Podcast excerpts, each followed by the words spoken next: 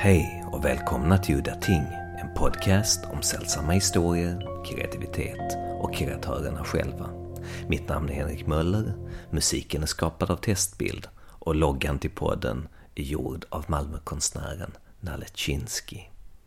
Det här avsnittet ska handla om ännu en av mina favoritkaraktärer, Brother Theodore. Utan tvekan en av vår tids stora original. Jag hade sett honom som skådespelare när jag var barn, eller cirka 13-14 år, i filmen The Burbs. En djävul till granne som den hette på svenska, med Tom Hanks i huvudrollen. Men jag hade inte direkt lagt märke till honom. Sen, många år senare, när jag en kväll hade svårt att somna, så lyssnade jag på ljudinspelningar av Clark Ashton Smiths noveller. Så det var där, plötsligt i mörkret, jag hörde den där magiska, otroliga rösten. Så här lät det. And now a Chinese fairy tale, as it was told to me some time ago by my good friend the writer Clark Ashton Smith. He called it the legend of the willow landscape. It seems there was once a picture, an old, old picture, done by a great artist so long ago that his name was forgotten. Vilken berättare!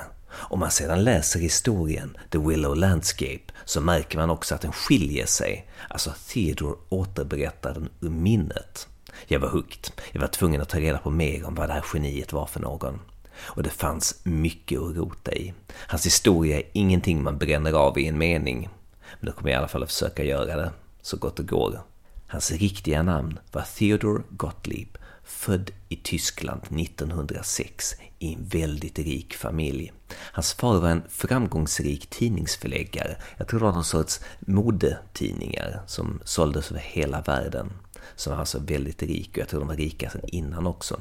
Han vaggades alltså in i ett bekvämt övre medelklassliv men hamnade under andra världskriget i koncentrationslägret Dachau, lyckades fly därigenom genom att muta sig ut ur landet med hjälp av sin förmögenhet. Han flydde till Schweiz, och skicklig schackspelare som han var, han, folk pratar faktiskt om honom som en master chess player.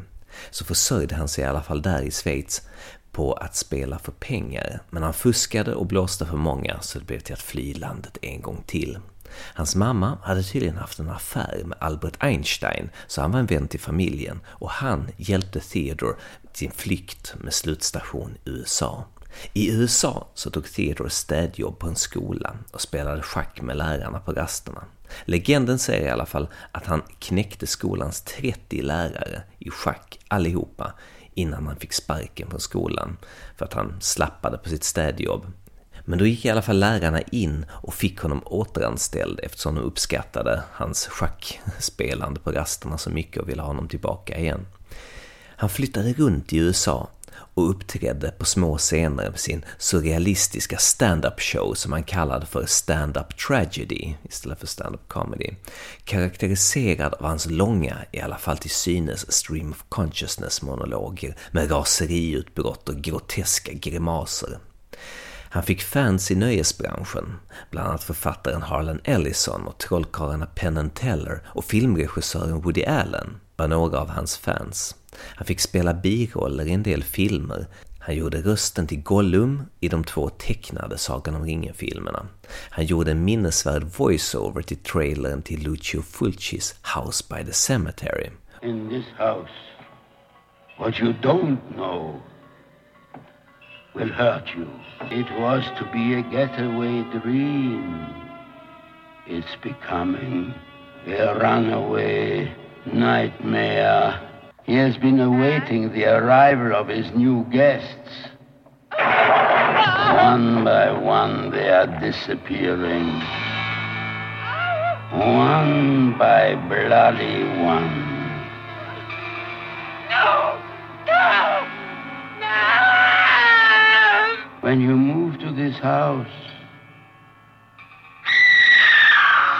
before you get locked in, read Mommy! the fine print. Mommy, hurry! You may have just mortgaged your life. Due to the graphic nature of this film, No one under 18 will be admitted. House by the cemetery.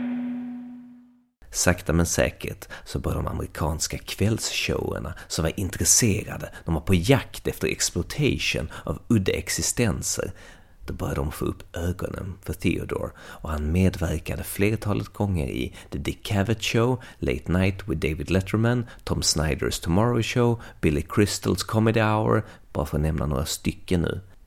Mot slutet av sitt liv, när Theodore var i 90-årsåldern, så började det slutligen spelas in en dokumentärlång film om honom och hans liv. Filmaren och konstnären Jeff Summerall stod för regin och jag ville verkligen höra vad han hade att säga om arbetet och mötena med legenden Brother Theodore. How did it all start? A couple of other people had attempted to do documentaries on him, and as I found out um, later, he he, ten, he tended to sabotage those kind of things, uh, whether it was maybe thought he wasn't you know worthy of it or he would become uh, slightly suspicious or paranoid that someone was going to take advantage of his material.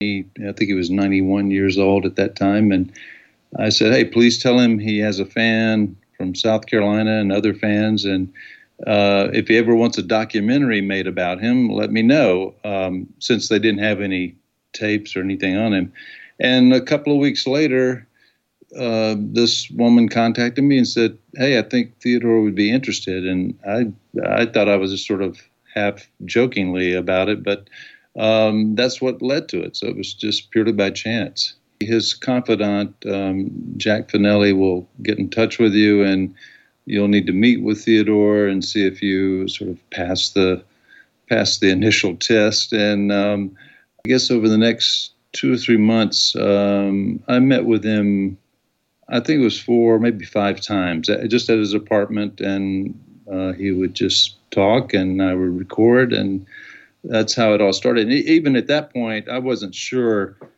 that I'd be making a documentary about him. I just thought, well, I should uh, go ahead and uh, capture what what's being said, and and I was. Um, at least experienced enough to know, hey, it's going to take some time to build trust, not only with Theodore, but with his uh, with his close friends, his confidants, and the beneficiaries of of his material. What kind of questions did you ask him? I, I tend to, when I would interview not only him but other people, I tended to not ask the maybe the, the typical questions. I would maybe make a reference to something in the apartment. Uh, oh, that's a, that's an interesting painting. Where did you get it? Get them talking about something that's not so obvious, uh, and then that would sort of make them feel a little more relaxed and opened up. So, with him, uh, I think just talking about New York, what it's like to live there, and then, but with Theodore, it was it was a bit different. I'm sort of talking out of both sides of my mouth, as we're saying. with him, I, I did. Uh, he he tended to have a, a set I guess he'd been interviewed so many times and was such a storyteller. He he had very uh, specific and um, sort of choreographed answers and could tell his personal history and his uh, the stories about you know how he came to America and how his career developed. So it didn't take a lot to, to get him going. But what were you interested in knowing at that point, right at the beginning? everything to me was very interesting because, as I mentioned, I, I knew only I, only thing I knew of him was, were his brief uh, performances on talk shows, which are very limited, and I didn't know anything about his one man shows.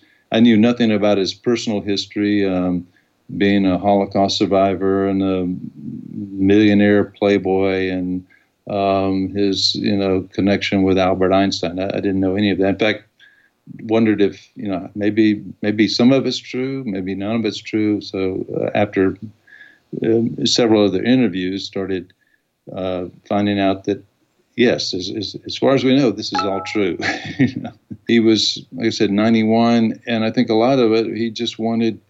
Um, someone fresh, new to talk to. Uh, I'm sure some of the other people he had been uh, having relationships for a while. They were tired of hearing his stories, and uh, he was living alone in a small studio apartment, so he enjoyed the, the visiting and I think some of the attention, but still had to maneuver around oh what you know the the trust and what's going to be done with this material and he was very protective of it. And um, you know and I think that's why there were so many notable people such as uh, Dick Cavett and Woody Allen and Christopher Guest and Penn and Teller why they respected him so much not only his his material of his one man show but uh, a certain type of integrity. I, I, think there was a one incident where an advertising agency wanted to use some of his material, just one lines here and there for greeting cards or for that kind of thing, and he refused to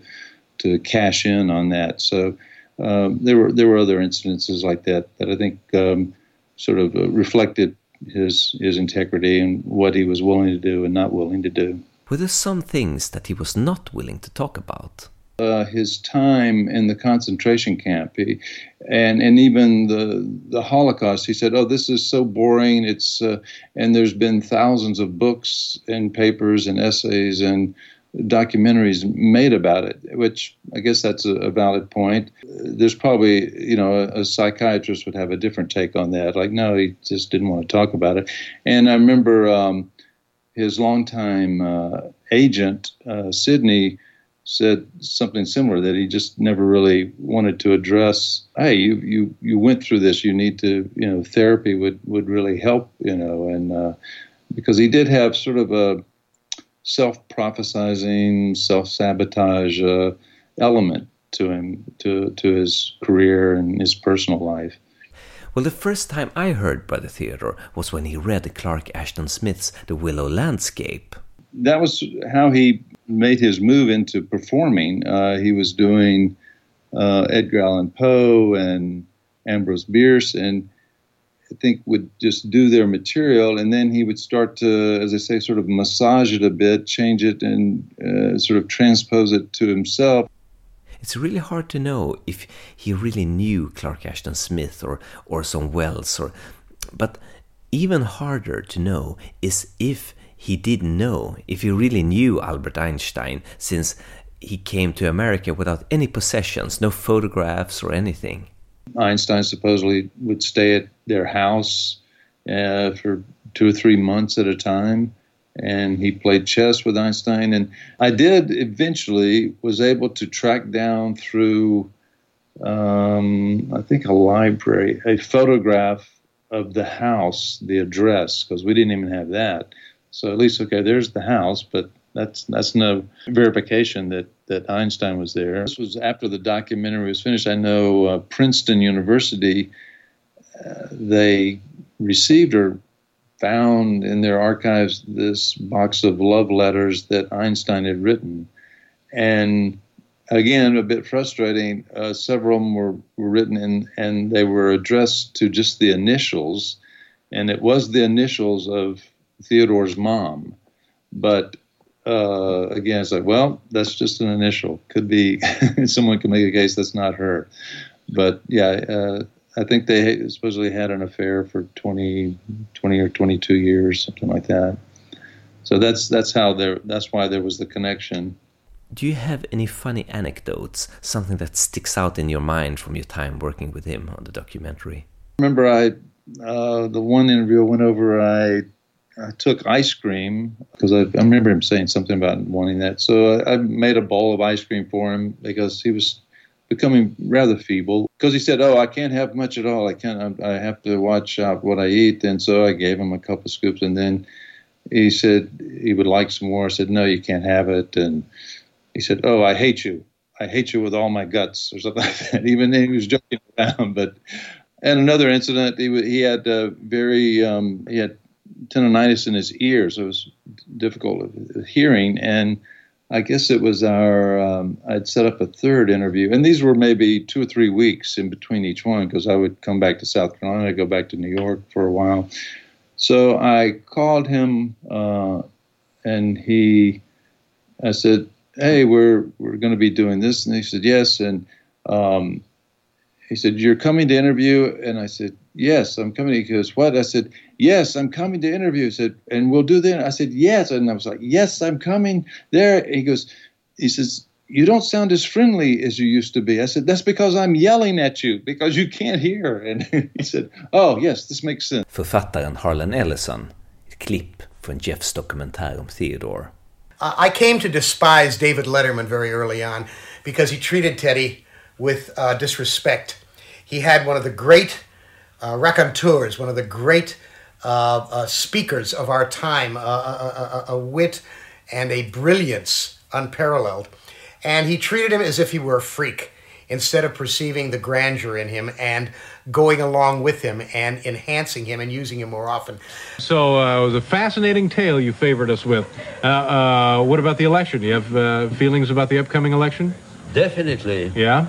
I feel very strongly, and I'm not joking, that what this country needs is a dictator. Mm-hmm. I feel the time is ripe and the place congenial and I'm ready. I will be strict but just. Heads will roll, and corpses will swing from every lamppost. Yeah, yeah. You see, evil that fails is evil. Right. But evil that succeeds is good. Right. And I will be good. Ladies and gentlemen, you see here the next or the first dictator of these United States. Thank you. Does this answer your question? Sure. Are you, you, you're planning on mounting some some form of a coup then?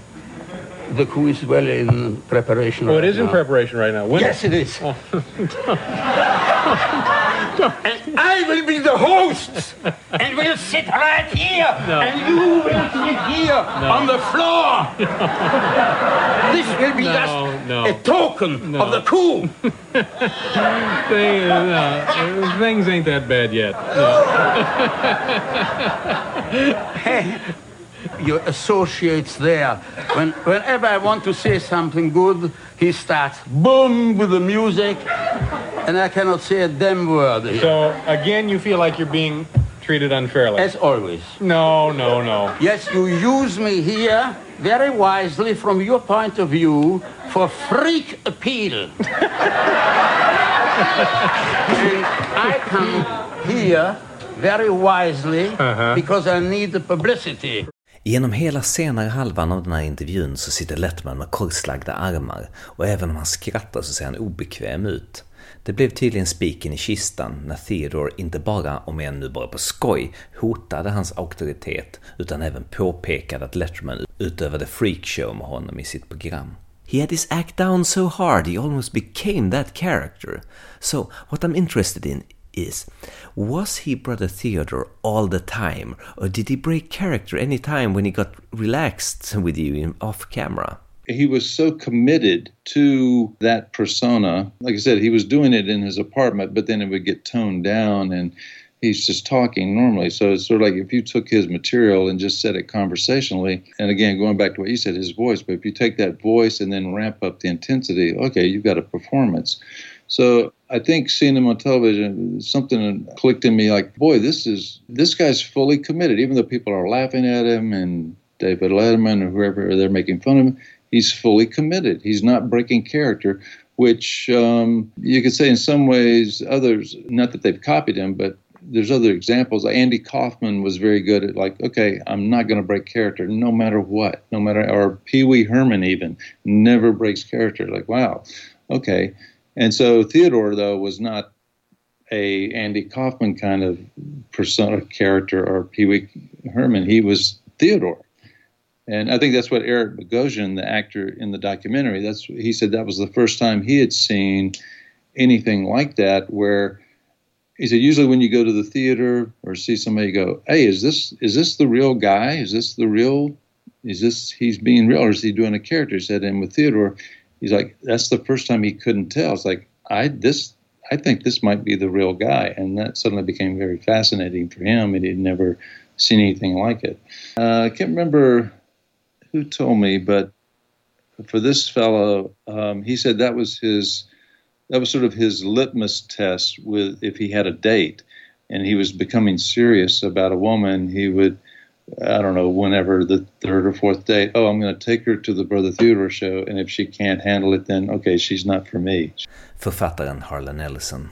He said this. He said, "You know, Harlan, you and I are very much alike." And I said, "How's that, Teddy?" He insisted I call him Teddy. And I said, "How is how is that? How are we very much alike?" He says, "Well, when women first meet us, they are enchanted. There is a magic to us."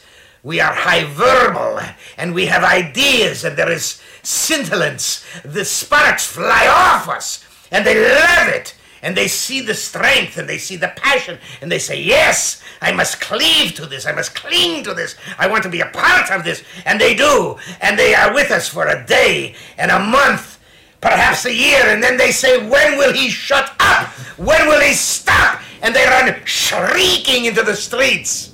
Well, I thought I was going to have an infarct on the spot.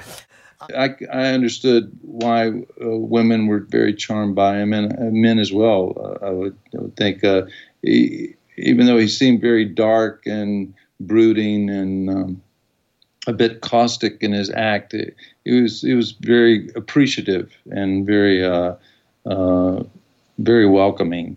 So how did he get his name? How did that happen? How did he go from just Theodore to Brother Theodore? Um, yeah, that was from a, a TV appearance. It was a, um, I think at the time it was an afternoon talk show in New York. Um, the the host was Merv Griffin, and Merv Griffin was a, I think, a pretty popular singer in the '50s, and then decided he was going to have a TV show, an afternoon show, and he had a variety of guests on uh, there in New York. And then he became more popular and eventually became very, very successful, produce, having a production company that produced, of, of all things, um, two highly, highly successful game shows, uh, Wheel of Fortune and Jeopardy. So uh, he he made a fortune doing that, and also other things in in Los Angeles. But when he had the show in New York, he uh, and he also had very interesting guests, very some controversial, um, uh, not just singers and actors, but um, uh, activists and uh, politicians. And so I think I have this right. Theodore told me um, he needed work, and he called it the power of despair. So he said, when you have the power of despair, you can do all kinds of things. So he went to Woody Allen's um, agent. Uh, Rollins and Joffe. He went to, uh, I guess it was Jack Rollins, and um, he went there, and the secretary said, "No, he's he can't see you." He said, "Well, I will wait." He said, "Well, he's not going to see you. I will wait." And he waited all day, and finally, she let him in. And Theodore said he approached him and said. I'm not approaching you as an actor or performer. I'm approaching you as one human to another human, and I need work and this. And so I think uh, Charles Joffe or Jack Ross, which I think it was uh, one of them, whichever one, said, "Hey, look, uh, you're an interesting guy, but I have no idea what to do with you. I just don't know where you would fit in."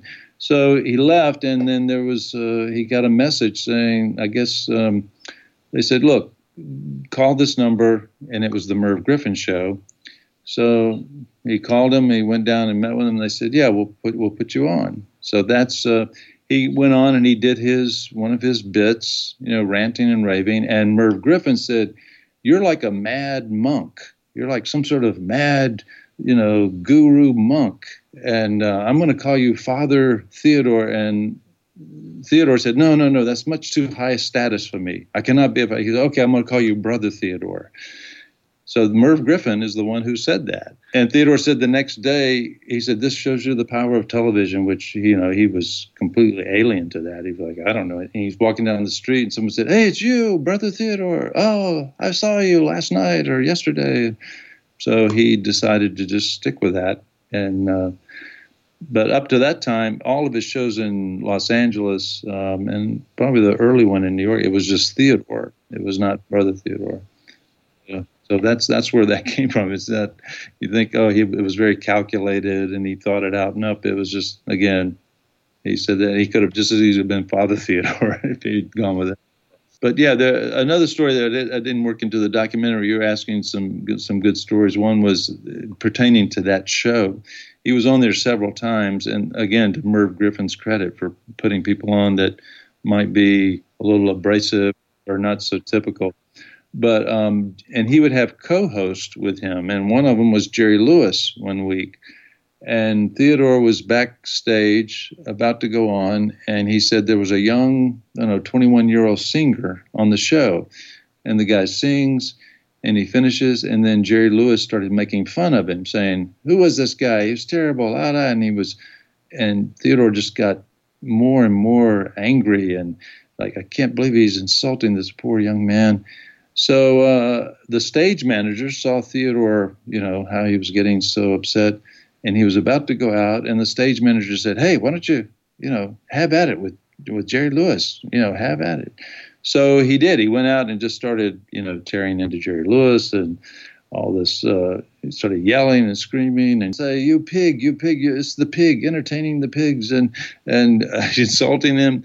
And so he left and he goes, "Well, okay, that's my last TV appearance. And he goes, he said he went to the New York Chess Club, which he would often do after doing something like that, and played chess till late. And he got home, the phone rang, and it was the producer of the show. He goes, yes, I expected this. He said, um, we're we're at a restaurant, a bar nearby. Can you come down? Yes, I'll come down. And he went down and he walked in and he said it was the producer and the director and some of the crew, and they all stood up and started applauding him.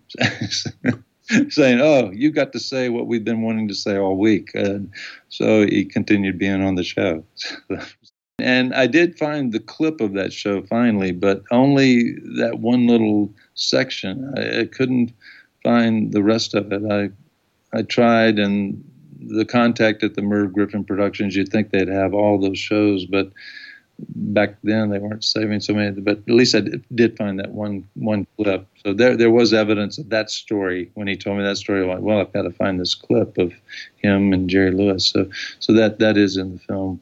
That's another quick story, not to keep you too long, but when Theodore was uh, on his deathbed in the hospital. Um, I got the call that hey, he's broken his hip, he's in the hospital. So I went back up to New York and I went there and um, he um, yeah he was pretty frail and, and, he was sharing a room with someone and um, and he he uh, he grabbed me and pulled me down to him and he, he was still very strong. He used to be a boxer in his youth and still had that kind of physique and he pulled me down. He said you have to get me out of here please. I said theodore i can't do that. He said you don't understand.